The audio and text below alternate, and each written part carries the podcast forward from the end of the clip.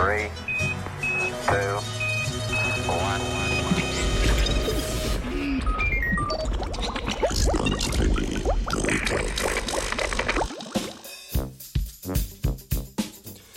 Premiki meja zavarovanih območij. Zavarovana območja so eden izmed načinov varstva narave. Na Zemlji je zavarovanih 14 odstotkov površine kopenskih ekosistemov. Meje zavarovanih območij, kot jih poznamo danes, pa so postavljene glede na pretekle podnebne razmere in ne predstavljajo posledic globalnih podnebnih sprememb. V nedavno objavljeni raziskavi sta znanstvenika objavila rezultate, ki kažejo na to, da je prihodnost zavarovanih območij zaradi podnebnih sprememb odvisna od širjenja na nezavarovane predele.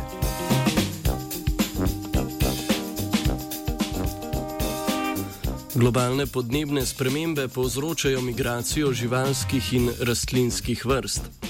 Te se z območji, ki so bila nekoč primerni habitati, selijo v više geografske lege in severneje oziroma južneje po geografski širini. Tako se nekoč zavarovana območja ne skladajo več s habitati, v katerih smo lahko opazovali visoko stopno biotske pestrosti. Zato sta avtorja članka v raziskavi predlagala sodelovanje zavarovanih območij s sosednjimi ter z nezavarovanimi okolji, kamor se nekatere vrste selijo. Predpostaviti pa sta poskusila tudi posledice in koristi takšnega sodelovanja.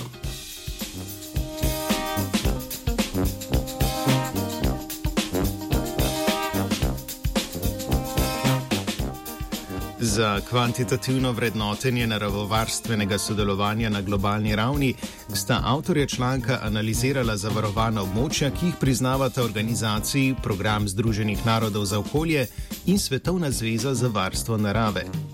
V raziskavo so bila vključena območja večja od 60 km2. Avtorja sta predpostavila možnosti ohranjanja biotske raznovrstnosti zavarovanih območij v različnih scenarijih.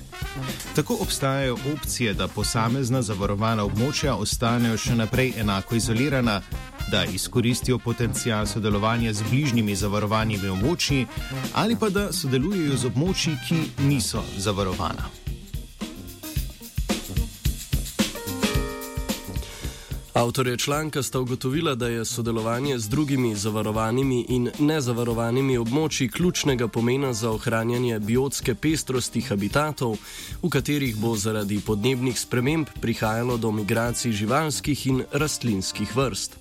Okolja, kjer bo potrebnega največ sodelovanja pri širjenju in združevanju zavarovanih območij, so gorovje v Sierra Nevadi, jugovzhodna Mehika, Andi in zahod Južne Amerike severozahodna Afrika, severni del arabskega polotoka ter stepe Himalaje in tibetanske planote.